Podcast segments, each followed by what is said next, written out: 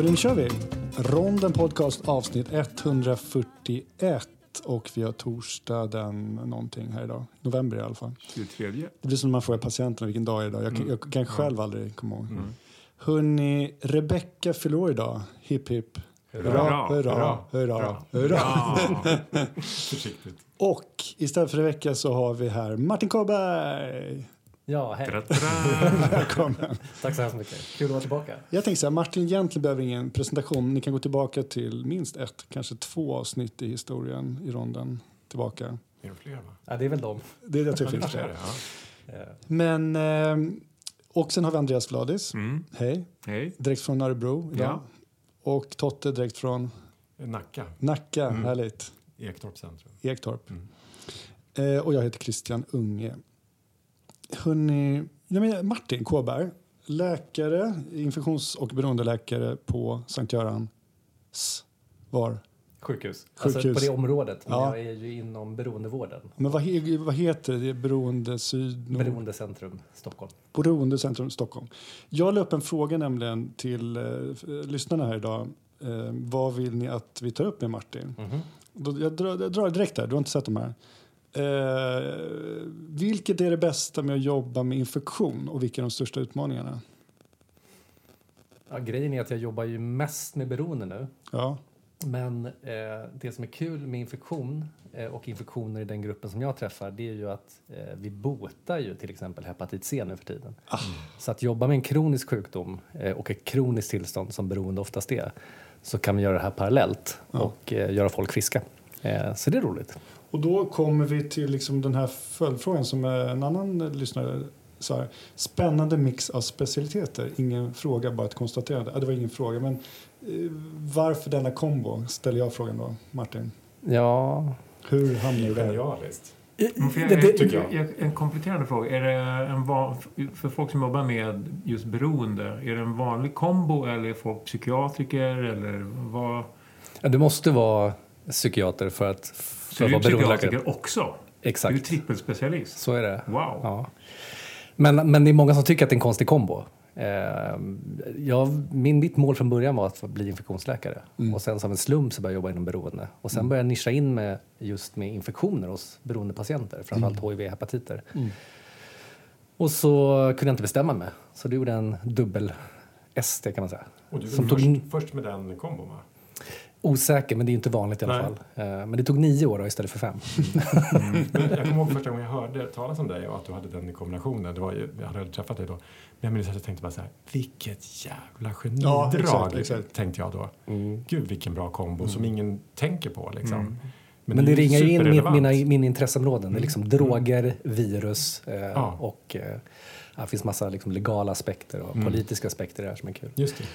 Ja, men precis. Det här är ju liksom, utifrån vad dina preferenser och vad du tycker är kul att jobba med. Men när vi pratade om det här för många år sedan och har pratat under åren så är det ju, som du Totte säger, det är ju det är också väldigt smart. Alltså det är ju bra att vara unik på någonting inom sjukvården. Superbra. Ja. Och eh, under en period så hade jag två arbetsgivare också. Så att Ja, den ena visste inte vad jag... Ännu bättre. Också ett genidrag. Skitbra.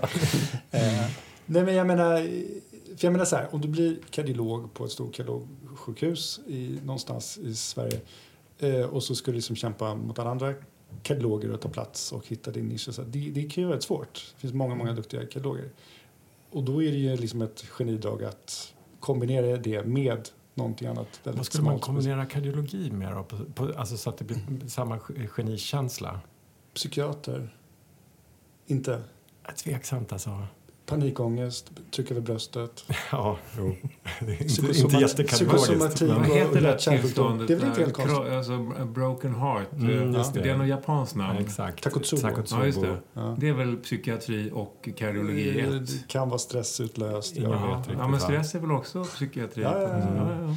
Men det är, vi kan återkomma till det. Men jag Bra måste- kombination. Ja. Nu pratar vi som om Martin när han var eh, liksom färdig läkare satt så här på sin kammare och tänkte "Vad fan, vad ska, nu måste jag göra ett riktigt smart val här. Men jag tror att det, det låter på dig som att det mer var en slump. Liksom att eh, du, drev, du var intressedriven och det ena gav det andra.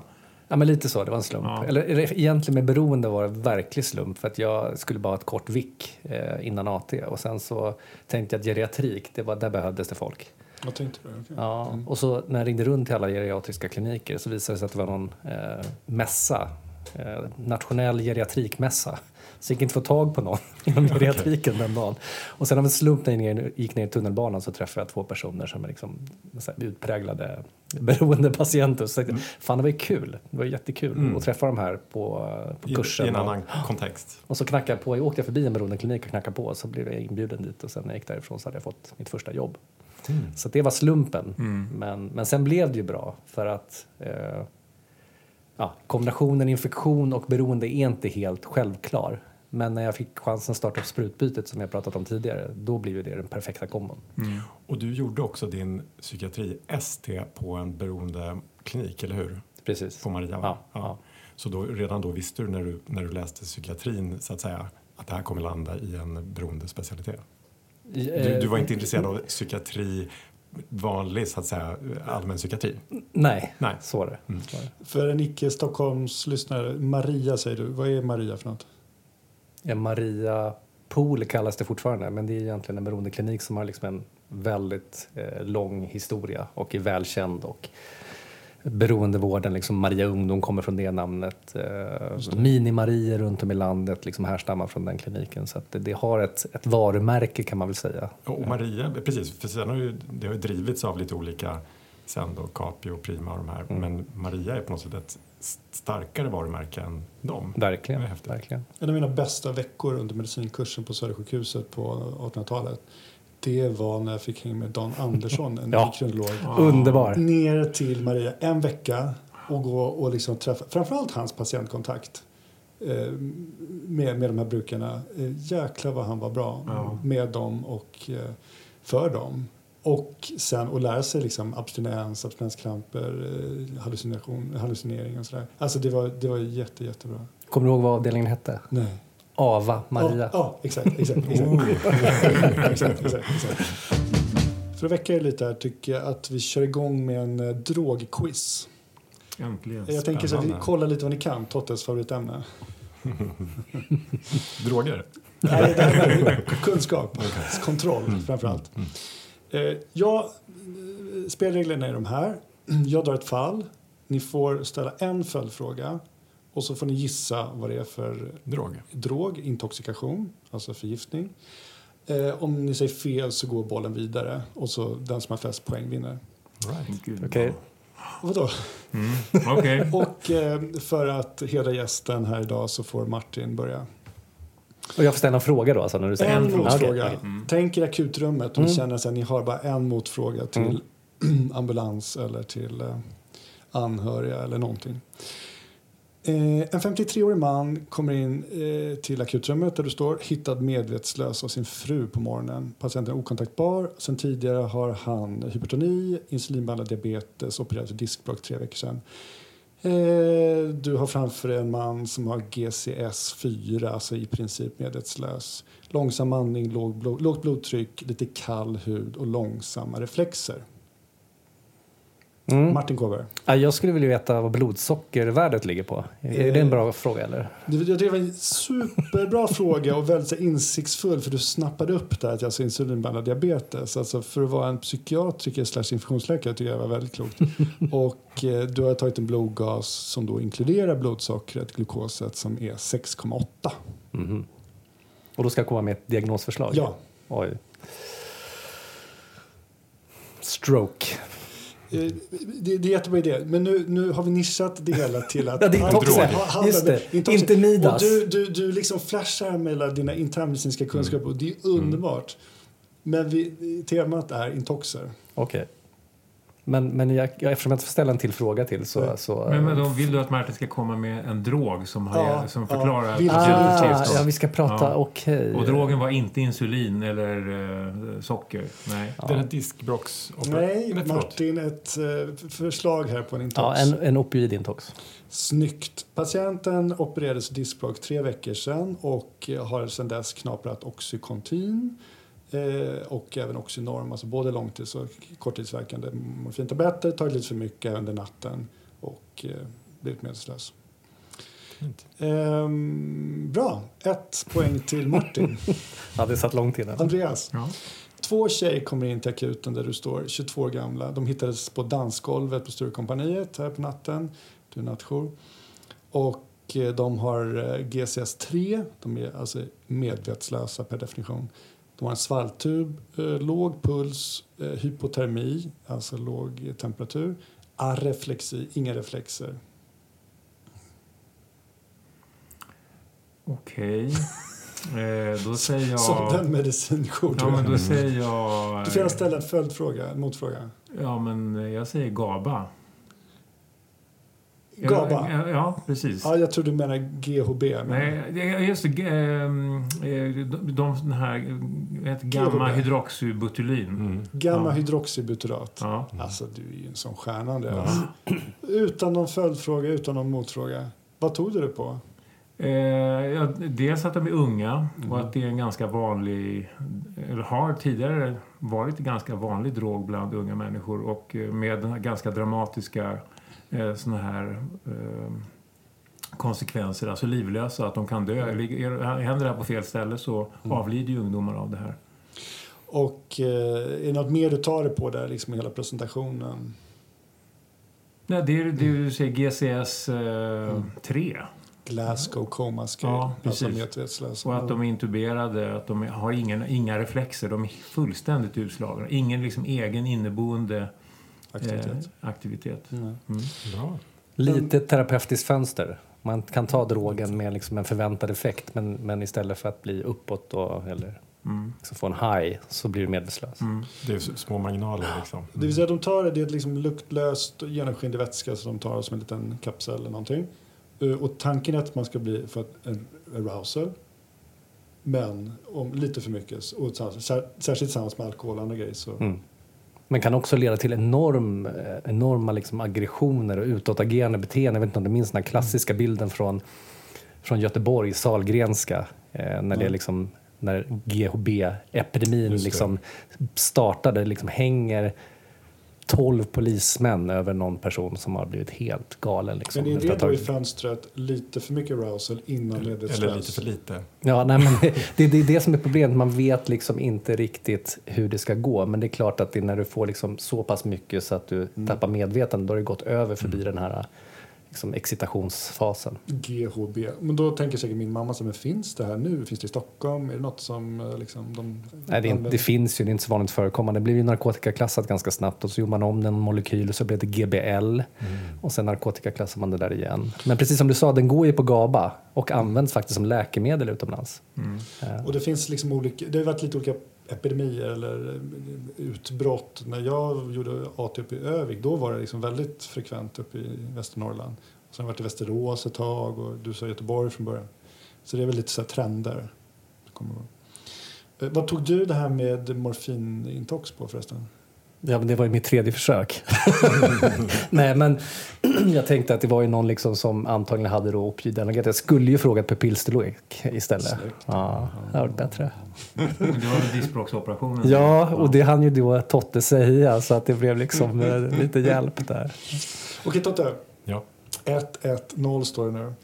83-årig kvinna inkommer. Mannen tyckte att hon var märklig när han kom tillbaka från Biltema. Hon satt kvar i bilen, han gick in och köpte någonting. Och så kom han tillbaka och hon satt där och var förvirrad eh, och blev tilltagande förvirrad. Så han förstod ingenting, ringde ambulansen. Hon började hallucinera. Eh, du träffar en äldre parant kvinna som är takykard, hög, hög, hög puls, högt blodtryck, hög andningsfrekvens. Plock vackar liksom i luften, verkar helt förvirrad, varm hud. Yes. Alltså det här var, det här var klurigt tycker jag. 83-årig kvinna mm. och det är en drog. Mm. Um, alltså man tänker väl... Du får ställa motfrågor. Ja, men precis. Men jag kan bara hur jag tänker då. En del liksom äldre personer är liksom förskrivna bensodiazepiner men jag tänker mig inte att hon skulle reagera på det sättet. Nej. Det där låter ju mer som något, nästan som något centralstimulerande. Kunde liksom. det kunna vara GHB så som Martin eh, presenterade eh, nämnde Göteborg där? Liksom, det skulle det kunna vara, men i den här kontexten, eh, papp, maken inne på Biltema och hon sitter i bilen, så tänker jag att det är mindre troligt. Så, så resonerar jag. Ja, och det är jättebra, därför att, bara som en parentes, när patienterna kommer in, vi kommer till det sen, men vad har man för hjälpmedel eh, när man står då som medicinläkare då oftast och ska ta hand om de här intoxerna? Och det är ju inte liksom massa eh, tester. Eh, utan det är ju just anamnes, alltså hur presentationen är och kontexten och vad är trovärdigheten. Och, eller trolig, hur troligt det är och hur presentationen är. Eh, vad är det för symptom som patienten faktiskt har och du ser och statusfynd och sådär. Jag tänker det du beskriver också att hon var parant. Alltså det är en väl, ja, men det är ju viktigt. Alltså hon är välbevarad. Det finns inga, det är inte någon sliten eh, fyllkaja. Nej. Nej. Eh, och det kallas för toxidrom, det vill säga just hur presentationen är. Okej, okay. liksom, aldrig hört talas om. Det är väldigt bra att liksom, det finns massa sådana, om man kollar toxidrom och intoxer så får ni fram massa bilder på nätet. Och då är det som att vilka symptom eh, kan patienten presenteras med. Vi har nämnt några olika typer här. Och vilka statusfynd. Alltså, just med takikardin, alltså är mm. de hög puls, eller låg puls, hög andningsfrekvens, mm. låg andningsfrekvens. Och det här tillsammans kallas för toxidrom. Vilket är väldigt användbart om man faktiskt kan sina toxidrom. Just det. Nej, och det här är ett klassiskt toxidrom. Ja, okay. och i det här, jag tänker ju att det bör vara något läkemedel. Det är ett liksom. läkemedel. Ja. Um, men sen, jag kommer nog inte så mycket längre där. Um, sen kan man ju säga så här, alla äldre människor kan ju bli konfessoriska. Eh, liksom av, och det kan ju vara liksom av alla möjliga läkemedel. Det behöver inte vara liksom droger eller narkotikaklassade läkemedel. Liksom. Um, och patienter kan ha nu en sepsis, ja, exakt, exakt. stroke, eller, alltså, det finns massa grejer. Men om vi nu bara... Men jag funderar på, skulle det kunna vara något så här, inte vet jag, kanske gabapentin eller något sånt där som hon är förskriven mm. för någon nervsmärtor eller... Mm. Mm. Um, om man tänker... Eller Andreas favorit, Heminevrin. Då hade hon sovit. Ja, då har hon sovit, mm, sovit himla gott. Ganska ovanlig intox av någon anledning. Och sen inte, brukar inte vara så allvarlig, brukar inte ge så hemska symptom. Det här är ganska typiska symptom i den här gruppen av läkemedel. Vad har ni några funderingar? Jag har en mm. riktig long shot. Ja, prova den. Eller nu vänta, nu går bollen går ja, ja, till Martin. Ja, just det. Bollen går till Martin. Ja, det spelar reglerna. Mm. Vet vi vad hon står på för mediciner? Jo, den kan, det är en bra fråga eh, och ofta gör vi det. Um, och det är klart att uh, den, sån här. Men patienten är nu på besök från, från uh, Gävle och vi har inte samma journalsystem. Mm. Så vi vet inte. Och maken har naturligtvis inte koll på det. nej, nej, nej. nej. Mm. Jag kan, en, liksom en, en, en ledtråd är, i det här är att hon just är eh, liksom varm, hon, är, eh, hon hallucinerar, hon är takikard, hon har stora pupiller.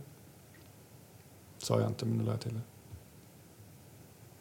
Det talar ju för liksom centralstimulerande ja, eller bensodiazepiner. Ja, exakt. Eh. Men, ja, men kan hon ha liksom Elvanse ordinerat och så hon tagit, jag vet inte, jag har inget... Ja, om du ska vara centralstimulerande alltså i gruppen av liksom kokain, amfetamin och sånt. Absolut. Inte så vanligt att man skulle då bli så förvirrad. Um, det är en dosfråga skulle jag säga. En dosfråga. Och, då återigen går vi vidare på 83-åringen. Um, är det troligt att hon står på något? Ja, kanske. Men det här helhetsmässigt är någonting annat. Jag ska säga så här då. Mm. En van medicinläkare tar upp en spruta och ger den här patienten något som heter antikolium, fysiostigmin. Och då slappnar patienten upp efter två minuter och säger var det är någonstans och alla symptom försvinner. alltså är det något liksom antihistaminärkt? Ja, bra. Det här är Lergiganintox. Mm. Antihistamin, antikolinergt syndrom. Ingen riktig drog, va? Om vi ska vara lite kinkiga. men Nej, men som, alltså, som många står snällare, lugnande tablett, lite mm. ångestlindringar som man har undvikit bensodiazepiner och så på vårdcentralen eller boendet eller vad det är. Och det här var ett, faktiskt ett suicidförsök i en lite märklig situation. Tagit många sådana här Lergigan. Men är på Biltema? Nej, jag hade tagit innan på väg in. Och så följer hon med honom till... Men... men, men är det här ett påhittat fall? Ja, förlåt. Allt vi hör är helt... De är påhittade, men de är tagna ur liksom blandade olika patienter okay. genom åren ja. som jag har sett och hört och så. Så det finns ingen, ingen, ingen helt verklig patient bakom det här. Men, men, men presentationen är, är verklig. Men, det vill säga liksom, varm, förvirrad, eh, just det plockiga, ser eh, och blir, alltså, även kan bli blinda. Eh, alltså, ser ingenting. Och, och sen kan krampa i mm. slutstadium. Men, det är otroligt tacksamt att spruta antikolin, alltså fysiostimin, acetylkolinesterashämmare. Jag tänkte, du, du Totte var inne på det här liksom med abstinens och delirium och kanske mm. sånt. Och vi använder ju ganska mycket Lergigan mm. i beroendevården just för att vi inte vill använda mm. beroendeframkallande läkemedel om det behövs. Mm. Och ibland så stör ju där, det där bilden av den kliniska presentationen. Mm. När man har gett mycket Lergigan, helt plötsligt är det här då förvirrade, plockiga tillståndet, är det helt plötsligt en delirieutveckling eller är det en biverkning av att vi har gett så mycket Exakt. Eh, Lergigan eller Och dessutom kan det ju vara så att man har flera läkemedel, Olanzapin, Lergigan, man har liksom ett gäng mm. som alla har en antihistaminär komponent. Mm, liksom. Och det är väl då det kan bli lite för mycket. Bra att du sa, många mediciner är ju inte så antingen eller, de är smutsiga inom citationstecken och har olika sådana här toxidrom i sig. Mm, absolut. Fentiacinerna har det. Mm. Ehm, men just de antikoloniserande, det, det blir vanligare och vanligare sådana här intoxer kan jag säga. Och de är krångliga, de kan vara svåra att förstå, precis som det var för dig. Pratar du om Lägergan specifikt? Alla antihistaminer okay. Och det är Just acc accidentella intoxer eller är det Nej, men patienterna vet om att det här är jättebra att suicidera med? Eller vadå? Det är inte bra, för det är ju nästan svårt. jag menar det. det. Så men, men, varför så, ökar det då? Därför jag tror att antihistamin generellt, förskrivningen ökade mm. för bensodiazepinernas förskrivning dras ner. Så att jag menar, eller hur Martin? Mm, jo, man, det, det måste restriktiv. Väl vara det. Mm. Man är restriktiv med bensodiazepiner, ah, okay. mm. Sobril och Oxascan. Och sen så antihistaminer finns ju, de finns ju receptfria till och med att köpa. Eller? Antihistamin? Eh, ja, det är inte i, i lägre doser finns ju det. I lägre doser. Mm. mm. Så det är liksom en, det är precis som Alvedon är en, en tillgänglig mm. läkemedel i eh, samhället.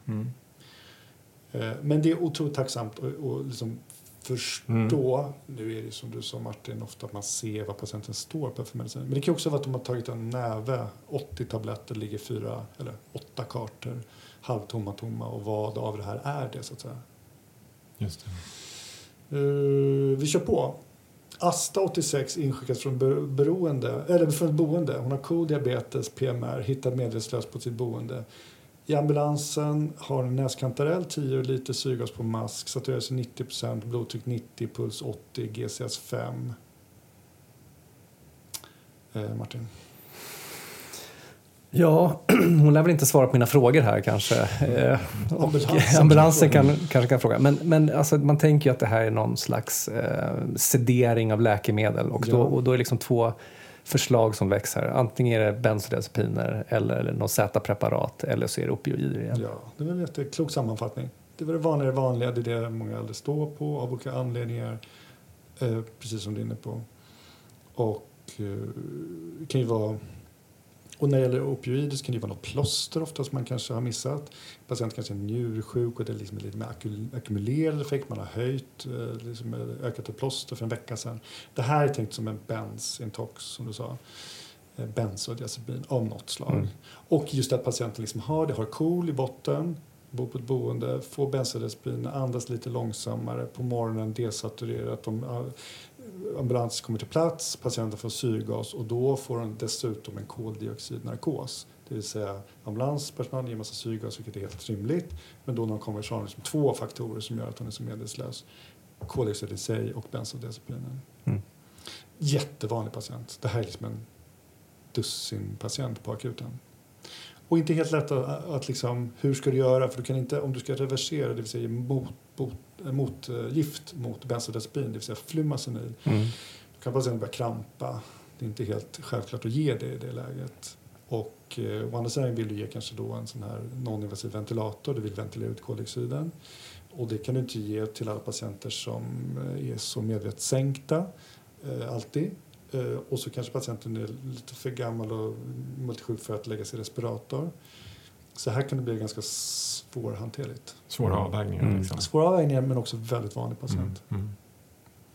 Sista då, Andreas. Mm. Johan 39 kommer från en svensexa. Tilltagande orolig i bastun. Han högg ved en timme, sen blev det bråk. Eh, vännerna var oroliga. I ambulansen aggressiv, temp 39, puls 140, svettas som en gris. Krampar på vägen in, fick Stesolid, nu medvetslös. GCS 4, har näskantarell, rör sig lite vid smärtstimulering. Oj, det gick väldigt snabbt det där. Eh, Men du, det var i festliga sammanhang. Det var det Så.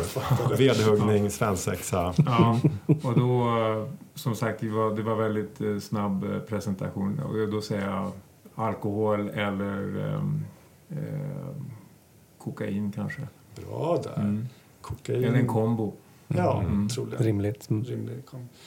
Eh, kokain, där får nu du fylla i lite Martin. Eh, Vi får inte jättemånga sådana här kokainintoxer men att man kan ju få liksom en hypertensiv kris, man kan få ett lungedem, man kan få hjärnblödning, blodtrycket stiger upp i liksom taket och har du då en extra hjärt-kärlsjukdom eller något så kan du få, eller alla kan få hjärnblödning och så. Men framför allt det här liksom väldigt agiterat Mm. tillstånd. Och det kan ju vara amfetamin också. Mm. Eh, men, men kramper ser inte vi så ofta, i alla fall hos oss. Nej. Eh, Och ganska ovanligt. Inte vanligt.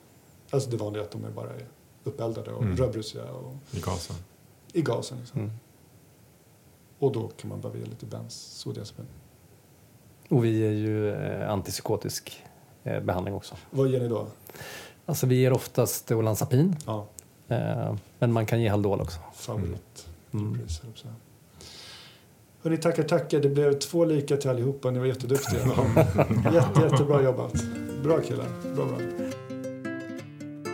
Mamma, lita på mig. Pappa, lita på mig.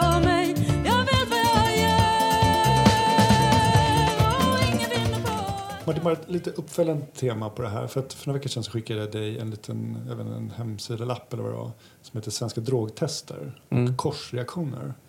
Eh, Och nu, jag, jag förklarar inte för dig varför jag skickade den, men det var för att eh, vi hade en patient som var positiv för... Um, gud, vad var det? Jo, men det var nog bens i urin. Men patienten hade verkligen inte tagit någon bens, Mm. sa hen. Ehm, och sen visade patienten stod på ketiapin. Mm. Ketiapin, Ja. vad är det? ja, vad är det? Seroquel, alltså det är en Mm. antipsykotisk medicin. Ja. Mm. Och, eh, och då var det så här, och, det, och då var det så här, men vad, vad, vad, ger det, vad gav det där urinprovet på akuten? Hur hjälpte det oss? Och, inte, och just det där.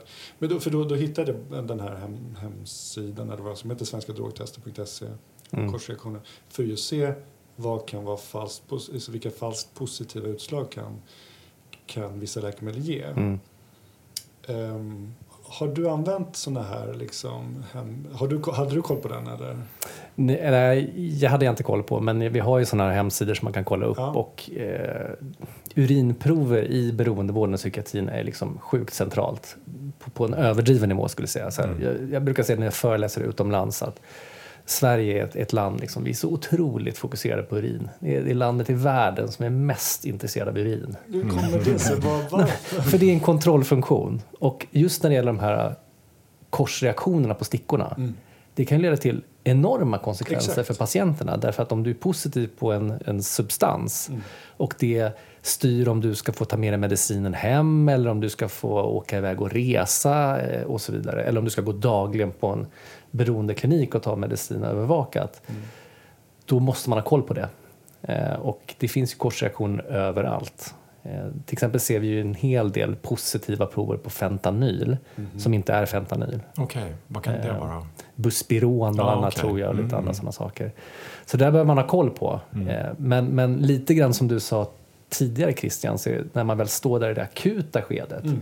Det är klart att man nästan ur ett akademiskt liksom, perspektiv vill veta vad, vad det är som har orsakat symptombilden. Mm. Men egentligen spelar det ingen roll om det är ecstasy eller kokain eller amfetamin eller någon katinon eller Vad är det för något, katinon? ja, men det är de här nya psykoaktiva drogerna. Eh, Katinon var ju, blev väl kanske mest känt som eh, MDPV och eh, kannibaldrogen och sånt. Ja, alla, det är så alla, när man säger det, då vet Ja, jag. Ja. Men, men och, och det spelar ingen roll, för du, du ska på med bensodiazepiner och antipsykotiskt och patienten ska sova i åtta timmar. Ja. Eh, sen spelar det ingen roll vad det egentligen var. Mm. Och det är inte så att man ofta, om någon är vrålpsykotisk och hänger liksom i lampetten på, på akuten, går in och lämnar ett urinprov. Mm. Men om vi backar bandet, alltså, vi pratar urinprover för droger och eh, det finns massa olika då, vadå, fabrikat, det här är privata firmor som gör de här testerna. Mm. Ja. Sen finns det ju vissa grejer som vi skickar till, för det här snabbtester vi pratar om, Ja, det, Mm. Du får ju svar på fem minuter. Mm. det är liksom en, Ja. som en coronatest, alltså Mm. plus och minus och sånt där. Och, eh, men sen finns det vissa kissprov man kan skicka till laboratorierna Mm. liksom, i de olika städerna. Och det blir mer centralt när det är liksom juridiska frågeställningar. Körkortsärenden. Mm. Eh, Ja, men för, kör, kör. Ja, vi, vi tar ju jättemycket urinprover hos oss på den här upp, Det här är ju det är inte beroendevård utan det är vanlig psykiatri. Men dels tar vi det inför, ofta inför neuropsykiatriska utredningar. När man ska utreda om patienter har ADHD eller autism och sådär. Och då, det har blivit en rutin liksom. Ehm, och sen tar vi det också löpande för patienter, eh, för vissa patienter som står på eh, ja, men då ADHD-läkemedel som Elvans eller Concerta eller någonting. Ehm, och där, ibland blir det lite fånigt för jag, jag kan ju här, ibland fråga patienten så här, ja men vi ska ta ett urinprov säger jag och det är ju oannonserat så att det, patienten vet ju inte om det innan och så säger men då ska vi ta ett urinprov. Och så frågar jag så här, kommer du, vad, vad kommer det visa då? Och då säger de ja men jag kommer nog vara positiv på cannabis och så på eh, amfetamin eftersom jag har Elvanse. Och då känns det lite så här fånigt att ens ta en sticka om patienten berättar att ja, men jag kommer vara positiv på cannabis. Liksom. Eh, vi gör det ändå, eh, också för att få det liksom dokumenterat. Så. Men det känns jättefånigt ibland. Men då skickar vi också ibland vidare, om patienten testar positivt för amfetamin på urinstickan, eh, står på Elvanse och då vill ju vi veta är det Elvansen som gav det här Just det. eller är det gatuamfetamin? Och då skickar man det på en sån här kiral analys som är jätte, jättedyr. Så man gör det verkligen bara om man har en stark misstanke om att det är Det amfetamin. innebär jätte, jättedyr. Eh, det är ganska många tusenlappar i alla fall. Mm. Ehm, Keral. Men, men kiral. spelar, det, spelar det någon roll då om du har fått en indikation på att den här patienten kanske tar har det någon, eller, för jag tänker det som, som Martin är inne på, liksom att i andra delar av världen så använder man sig inte av så mycket urinprover. Hade- Räcker det inte med misstanken för att du ska anpassa din behandling eller måste du? Nej, men det är en jätteintressant fråga, Ja, för jag tänker mm, du kan exakt. vända på den steken hur du vill. Därför Ja. att egentligen så här, har patienten, liksom, funkar patienten? Mm. Har, har den här medicineringen gett en funktionshöjning? Mm. Vad spelar det för roll då? Mm. Alltså, Ja, jag menar, om det inte är på väg att liksom sabba behandlingen Mm. eller att det finns misstanke om något annat som gör att man exakt. verkligen måste få det svaret så Ja. blir det ju lite ointressant på något sätt. Jag upplever också att eh, idag så är man också lite mer, jag menar, det är jättemånga som testar positivt på, cannabis för de har liksom ett, ett sporadiskt bruk liksom. Och idag tycker jag att man pratar, man måste också prata om det på ett lite mer nyanserat sätt liksom. Um, förut var det liksom autom, innebar automatiskt att säga okej Testar du positivt på cannabis då är det sex månader som du måste liksom vara ren innan man kan ens påbörja en sån här ut, neuropsykiatrisk utredning till exempel. Idag blir det lite mer liksom, vad ska man säga, det blir en diskussion från fall till fall mycket mer idag och det tror jag är bra faktiskt. Jag vet inte vad du säger. Nej, men jag håller med. Det Men åter till det här fallet då. Du, du har två patienter. Den ena, du kör det här chirala testet. I ena fallet så är det positivt för amfetamin, i andra fallet är det negativt. Ja, så alltså, vad, hur påverkar det? känns- det? För att det jag förskriver, det är ju, det är ju dexamfetamin. Ja. Så det är ju liksom, och det känns ju lite fånigt att förskriva då doser om några milligram om patienten samtidigt tar liksom ett halvt gram amfetamin nu och då. Ehm, visst, man kan... Ja, man, en del av de här patienterna, om de väl har liksom ett eh, amfetaminmissbruk, då går ju de oftast inom beroendevården för sin ADHD, så att säga. Men det är ändå viktigt att vi identifierar då att de har liksom ett, ett amfetaminmissbruk vid sidan av ADHD-medicineringen. Liksom. men när du, när du tar det provet då finns det ändå någon liksom underliggande Exakt. fundering Ja, eller misstanke om man får kalla det så. misstanke. Absolut, Ja. absolut. Så är det. Så jag, jag tar det verkligen sällan. Det finns en annan en, en ytterligare aspekt av det här. Det är tidsaspekten, det vill säga hur länge är de här, eh, ger de här eh, positivt utslag. Därför det där är inte något så svartvitt, antingen eller exakt på tidpunkt. Därför att alla och beroende på liksom vad man har för njurfunktion etc. Eh, vissa av de här metaboliterna, vad det nu är, de klingar ju av liksom långsamt. Mm. Eh, Så det måste ju också vara en sån grej att, men, och så säger patienten, ja men nej nej det var två veckor sedan. Eller, Mm. Ja, så är det ju. Och då försöker man göra någon slags rimlighetsbedömning i det där. Men Mm. jag vet inte om det var så när du jobbade på Maria, men för länge sedan i alla fall, då, då man var positiv på amfetamin i urinet, då gav man höga doser C-vitamin, så här tre gram gånger fyra, därför att det skulle påskynda utsöndringen. Så att man kunde skriva ut Ja, dem. men för att det, liksom, hela vården är styrd ibland av att man ska vara Just det, ren, negativ på urinprovet. innan man går Eh, hem. Otroligt. Ja, de hade alltså. inte C-vitaminbrist i alla fall. Det kan Nej, nej, nej. nej. Men det här är jätteintressant för mig som inte kan så mycket om beroendevården. Alltså du, du säger att Sverige är en outlier när det gäller specifikt det här, det här kontrollerande, liksom, polisiära förhållningssättet. Och, Det blir mycket, mycket bättre ska jag säga, men det finns fortfarande kvar. Ja. Så hur, hur förhåller man sig då i eh, snarlika länder, om vi tar Norge, eller Finland, Danmark, eh, Tyskland? Man, man tittar på funktionsnivå, man tittar på hur behandlingen funkar. Eh, där ger man patienterna mer frihet. Eh, och det är oftast en fördel. Men till exempel så kan det vara så att om en patient kommer och hämtar sin medicin varje dag, det är precis som Totte säger, här, men, men har du tagit någonting? Ja, men jag har tagit det här och där och här. Varför ska man då ta ett urinprov? Då ska det ligga, tycker jag, i patientens egna intresse. Att, ja, men jag vet att jag går här varje dag om jag har ett bruk av andra droger parallellt. Men nu vill jag faktiskt komma vidare. Nu vill jag ha en ledig helg. Ja, men då vill jag lämna ett urinprov för att visa att ja, men jag har inga andra substanser i mig. Och då blir det en motiverande funktion. Just det. Där har urinprovet en plats Just tycker jag. absolut. Men inte det. där kontrollerande. Nej. Sen i utredningssituationer eh, och sådär, då, är det, då kan det vara väldigt relevant. Mm. Men man kan ju prata med patienten också. Det är det. Mm. Ja, men precis. För att bygga en förtroendefull relation. Mm. Och sen som du sa, det kanske finns vissa juridiska fall, specialfall då polis behöver de här testerna. Eller? Ja men så är det ju. Vi har ju till exempel att polisen kommer in till vår akutmottagning och så tar man prover och då blir det, jag menar man ska bedömas för rattonykterhet, Drog- liksom drogfylla eller, Mm. Eller man ska få tillbaka sitt körkort eller man har förlorat sin legitimation för Mm. liksom, legit- ett yrke som har legitimation. Men, men Och det blir dyrt för, för de måste ju bekosta det själva. ja, för det är inte sjukvård. Nej, och det är liksom... vad, vad Nej, men alltså, om du har blivit av med liksom körkortet på grund av drograttfylla Ja. eller något sånt där. Ehm, och så kommer de till oss och säger så här, men vi har, jag har fått ett brev från Transportstyrelsen, jag måste, jag måste liksom lämna rena urinprover i sex månader eller ett antal urinprover under en viss tid. Jaha. Då säger jag att då kan vi tyvärr inte hjälpa till, det måste jag säga eh, tyvärr. Eh, och så får jag hänvisa dem till en privat mottagning där de ska lämna de här proverna. Och de ska ta både liksom leverprover, ofta om det är alkohol inblandat, så de måste ta både liksom Okej. CDT och GT, transaminaser och allting. Och så måste de lämna de här proverna och de kostar ju flera tusen per gång. Oj, oj, oj. Och, och hur många i den situationen Mm. Har den möjligheten? Det är ju superklurigt ju. Man vill ju hjälpa dem. Så- För att ett körkort kanske är också det som gör att de kan få ett jobb. Ja, visst. Liksom. Det här var nytt för mig. Det visste inte jag. Ja. Hade du något mer? Det var en sak till som handlade om varför vi testar. Alltså Ja. det är ju, ibland test, vi, en av anledningarna till att vi ibland liksom gör, ibland gör vi bara liksom, vad ska man säga, nedslag så att säga. Alltså vi testar liksom, för att vi, det är en patient Behandlingen kanske har svajat. Vi, det har liksom, vi har inte kommit någon vart med den här patienten.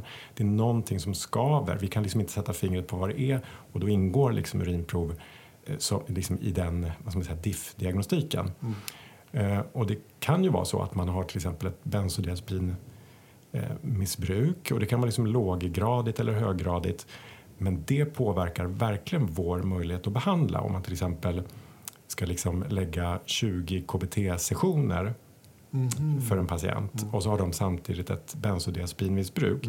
Då är den här behandlingen helt bortkastad. Aha. Och då, då är det bättre att, att vänta eh, och tills vidare låta någon annan få den behandlingen för att den kommer vara helt verkningslös. Så lite prioriteringar i Ja, det blir ju det liksom, om vi inte tror att det här kommer Men, men det stora problemet då, om man liksom från beroendevårdens perspektiv, så är det så att ja, men vissa kanske aldrig kommer bli bensodiazepinfria, men har massa trauman och behöver behandling ändå. Mm. Och då har vi ju sett jättestora trösklar och hinder för att få de här personerna till psykiatrin, för att få den typen av behandling. Mm.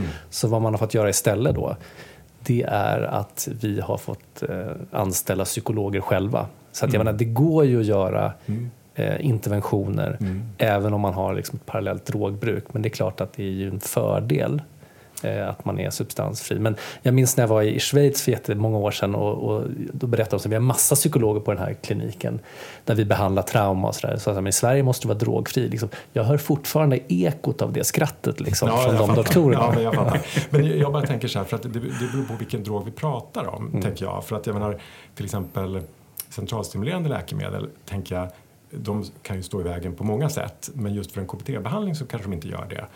Eh, men bensodiazepiner kan ju verkligen göra det för att de är så... De, eh, alltså vi vill ju så att säga att patienterna ska eh, liksom exponera för det de är oroliga för. Och det är oavsett om det är en PTSD-behandling där man exponerar då för ett trauma som man har varit med om. Eller det kan vara liksom generell oro eller social oro. Och om man lyck- aldrig lyckas komma upp i de ångestnivåerna så att säga under en behandling därför att man har bensodiazepiner hela tiden, då blir det svårt att exponera. Men, an- Såklart. men, men, precis, men, men det kanske är då lite från drog till drog och sådär. Men det, är- jag tycker det är härligt att höra ändå att ni gör de grejerna trots pågående missbruk. Det är ju härligt. Underbart här. Det är, det är två psykiatriker här. Men men du är beroende, nu är du liksom beroendepsykiater Martin. Mm. Du är psykiatriker Mm. i öppenvården. Det är jättespännande att höra de här två perspektiven. Alltså subtila men ändå liksom, finns det inte en konflikt men det finns liksom utmaningar. här. Blir det för nördigt tycker ni? Absolut inte. Nej, Andreas har somnat men det är lugnt. En fråga. Vilken person, nu levande eller historisk, inom sjukvården, tänk brett, skulle du vilja äta middag med och varför? Det lät som en lyssnarfråga. Men Ja, verkligen. det var någon av oss som har skrivit upp den här frågan. Jag vet Så inte det ska vara någon inom, liksom, vå- alltså inom medicin typ? Ja, vård, hälsa, någonting relaterat. Mm. Andreas bara, jag äter med mig själv. Er? Ja, precis. Nej, men jag behöver inte äta. Men, nej, men jag, ehm, jag kan börja då. Ja. Ehm, på volley. Jag hade inte tänkt igenom det här så himla noga. Men en person som vore kul att käka middag med, han är död. Och det är ju den här berömde Semmelweis. Ja. Ehm, den här läkaren som eh, började förstå att andelen, eh, att, att det var så hög dödlighet bland nyförlösta kvinnor berodde på att eh, läkarstudenterna gick direkt från obduktionsavdelningen eh, till förlossningsavdelningen. Mm. Och att han började liksom rekommendera att folk tvättade händerna, spritade händerna. Det fanns inte direkt några latexhandskar. Nej, och då, det vore intressant att träffa honom därför han blir ju utskrattad och liksom motarbetad som många pionjärer inom all- alla branscher tror jag. Mm. Men bara liksom hur...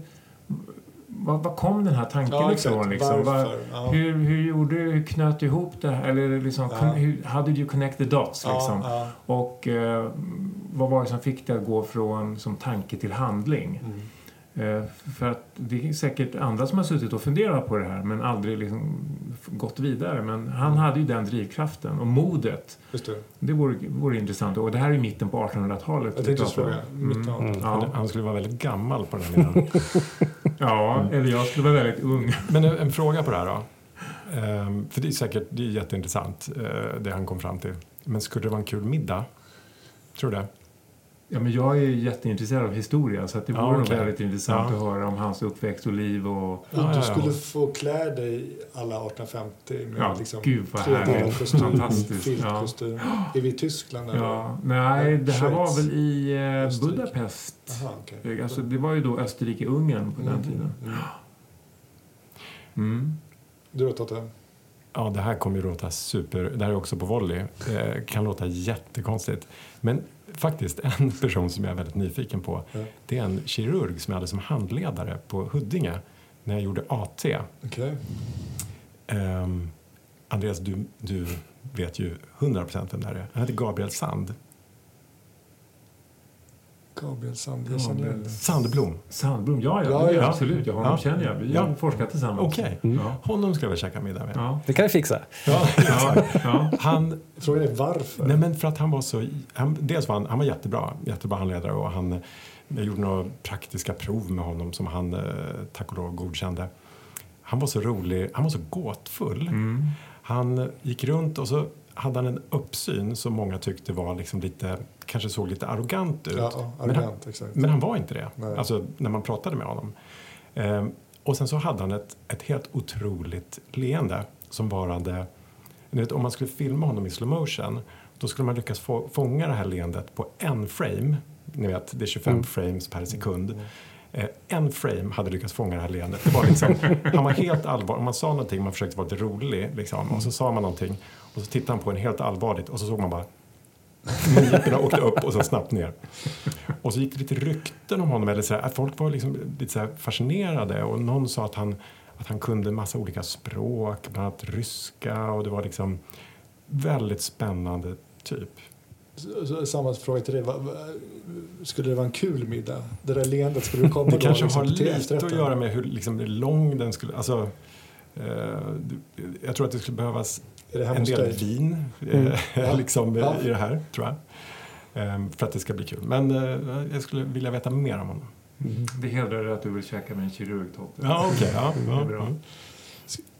Ja. Skulle det här vara hemma hos dig? Vad skulle du bjuda på? Nej, det skulle vara på, på krogen. På krogen. Och sen så skulle vi det skulle, sluta med att vi stängde the lab. Mm. Eh, Du och Gabriel Sandlo. jag och Gabriel Sandlo. Eh, För en oinvigd, hur gammal är Gabriel Sandlo? Ungefär, vi ska inte gissa. I- jag har inte hans personnummer i huvudet, men jag skulle tro att han är runt 60. Runt 60? Ja. Mm. Så ni, ni stänger The Lab. Mm. Mm. Ja, och tar liksom en svart taxi åt varsitt håll. Vilken Mm. syn. Coolt. Men jag förstår din fascination. Jag kommer väl, väl ihåg när han... Du gör det? Du kommer ihåg honom Ja, också? herregud. Ja, när han kom bra. ner till akuten och skulle titta på någon kirurgpatient och gled in på akuten. Lång, eller hur? Lång som sjutton. Ja. Mm. Du då Martin? Ja, men svårt. Ehm, jag, jag tänkte kanske att Andreas skulle välja den, så jag valde inte honom. Men, men, men, men, och det är en kirurg. Men, för det jag tänkte skulle kunna bli en kul middag också. Det är här, jag kommer inte ihåg vad han heter ens, den här kirurgen som opererar sig själv. Han opererade sig i, i lokal anestesi och plockade ut sin blindtarm eh, liksom under en operation med en spegel riktad ner mot, mot magen. Det gick alldeles utmärkt. Sen, sen så gjorde han ett försök några år senare och eh, opererade ett var det. Det var, klaffoperation. det var lite tuffare. Men, men jag liksom, då snöar jag in lite grann på det här att jag tycker det är ganska coolt med ja, läkare eller forskare som, som gör grejer på sig själv. Eh, jag tänkte, det, det finns ju någon som inokulerar sig själv med gula febern och lite såna grejer. Och, men, men, men det som jag, jag, jag letar mig tillbaka i tiden också, långt tillbaka i tiden och nu blir det infektion. Men eh, det är den här snubben som eh, egentligen tillskrivs det första vaccinet eh, för smittkoppor. Mm. Jenner. Jenner, Edward Jenner, eh, som i slutet på 1700-talet eh, inokulerade då en åttaåring tror jag. Det Ja, var pass. 1790 någonting. Ja. Eh, och med kokoppor. Ja. Eh, och han överlevde. Och han hade fått nys om det här av någon mjölkerska. Att eh, hon hade sagt så här, jag har haft kokoppor, jag kan inte få det där. Och så gick han och tänkte på det där länge. Eh, och sen så, så knäckte han den här gåtan. Hon hade sett mönstret Ja. att, att äh, mjölkerskor får sällan smittkoppor. Ja, ja. Fasen vad Det intressant. är ju hon som borde, det borde ju vara Ja. uppkallat. Det är henne, Det är henne de ska henne, käka henne med. ska käka Det är lite roligare. Ja, absolut. Det kanske är liksom gott. Ja. Men, men, men, men den här kirurgen, då, jag förstår inte, är det nutida eller? Ah, det här är ju säkert någon gång kan det vara 40-50-talet. Det, här, det finns en scen i Master and Commander då de opererar sig själva. Men, men det här är en riktig kirurg som opererat sig Det här själv. är riktigt. På Man riktigt. gillar ju initiativet. Mm. Jag tycker det verkar helt stört. Han ville testa liksom, om det var okej med lokalbedövning och det var det. Åh, vad svettigt. Det skulle vara liksom svårt att hålla spegeln samtidigt. Men det kanske han inte behövde göra. Det finns säkert någon ortoped som har försökt någon höftplastik på sig själv. Och, och, Och går därefter. mm. Du då Christian? Ja. Ja, men det här är helt sjukt att vi är så fascinerade av kirurger. För jag tror, jag tänkte säga Bernard Kouchner. Är inte han kirurg också? Han är läkare i alla fall. Ja, läkare. Mm. Vem är det här? Nej, men det var han som startade Läkare utan gränser 1971 med några kompisar. Och sen också startade Läkare i världen med Saint Dumont. Och sen blev Hälsominister, hälsominister i Ja. Frankrike. Mm. Låter ju som en superrolig middag. Nej, men jag, Jo, men jag tror också att han är en jättehäftig jag tror att han är väldigt liksom large, eller han är väldigt, han tycker om sig själv och eh, sin förmåga och sådär. Ja, men han, han är orädd, han vågar säga ifrån. Han startade ju Läkare utan gränser därför att han, han har jobbat för internationella Röda korskommittén som jag har jobbat för. I, precis, och han bara tyckte att de är så himla formalistiska och de vågar inte säga som det är och här lider folk och ingen säger någonting. Jag ska ut och berätta hur det egentligen är. Och så liksom gick de ut i media och Ja. det var det de tillförde egentligen till Röda Kors liksom, och sådär. Mm. Men jag, jag är inte, okej, jag tror att han är en ganska ja, men man skulle, Självupptagen. själv, det skulle vara en monolog. Ja. Liksom, eller, ja, svårt att få till det, för, framförallt vilken restaurang. Det skulle vara, behöva vara en väldigt dyr restaurang. men jag är liksom fascinerad över, jag skulle vilja hoppa in i det gänget snarast. När de sitter, var de nu satt och snackar så här, nu startar vi den här organisationen. Nu, nu kör vi bara. Vi, Mm. vi, vi går inte med på den här liksom tystnaden som, som ändå de, Röda Korset stod för. Mm. Frustrationen, för den kan jag identifiera mig med i, i många situationer. Så jag har liksom ändå alltid tänkt så här, men fan, jag skulle vilja varit med där. Mm. Um, skulle passat mitt kynne liksom. Mm. Jag måste ju säga en person till, och jag, jag, om jag får det. Då. Och det är, Kan inte alla träffas på middag? Jo, men det, vi vet ju att det är många syrror som lyssnar på den här podden. Och det vore ju faktiskt på riktigt intressant att träffa Florence Nightingale. Eh, Hon är ju sån här, ett namn som man bara drar till med för att Mm. liksom så här, eh, Ja, det är nästan lite... Sank, sankta, Mm, precis. sankta Mm. sjuksköterskan typ. Mm. Men hon gjorde ju faktiskt någonting helt eh, fantastiskt när hon eh, började under Krimkriget eh, med att liksom eh, förbättra hygienen för de skadade soldaterna. Och det är samma, samma sak där. Liksom. Var kom de här tankarna ifrån? Hur kommer det sig att inte liksom, generationer av Mm. sjuksköterskor före henne hade... Var att hon hade en power, att hon kom från en högklassig brittisk familj, och att hon hade självförtroende, att hon vågade liksom, s- ställa sig mot doktorerna. Vi pratar mitten av 1800-talet. Jag Liksom. fråga, det var okej. Ja, Mm. 1854, någonting sånt där. Mm, mm, Så att det, liksom, det vore jätteintressant att höra vad som eh, satte igång. Men var hon före Semmelweis? De var nog ungefär Det låter ju samtidigt. Ja, men frågan är ja. vems... Ja, Ja, Och ja. det är lite samma andasbarn Ja, absolut. Mm, mm. Mm. Ja, men, och, men där det finns den aspekten som du säger, kvinna, Ja, den tiden, Ja, stå, stå upp mot kirurger, precis. män. Ja. Jag tycker vi drar ihop alla de här. Eller hur? Jag tror det. Vilket jävla party. Julfest. Fɔ n ye kuma ma fɔ kuma n ye kuma fɔ n ye kuma di ma fɔ kuma fɔ n ye nana kumo min fɔ ye fɔ ka ban fɔ ka ban fɔ ka ban nana kumo fɔ ye fɔ ka ban i ta o ta ye. Eh, Det var allt jag hade för eh, ronden avsnitt 141 idag. Vi tack- tackar Martin Kåberg framför allt. Jättekul. Tack med. själva, kul. Mm. Det känns som Bra. att du är liksom en sån här kom och gå medlem. Mm. Alltid välkommen. Kanske kan komma nästa gång också. Ja, se. kör det. Hörrni, tack eh, för idag. Tack alla Patreons. Eh, Vi vill gärna att ni är fler där ute som blir Patreon-medlemmar. Stötta oss lite. Och, och ehm, tack ni några läkarstudenter framförallt idag som hörde av er och hjälpte till med lite tekniska grejer som eh, jag la ut förfrågan på idag i sociala medier. Tack, ni vet vilka ni är.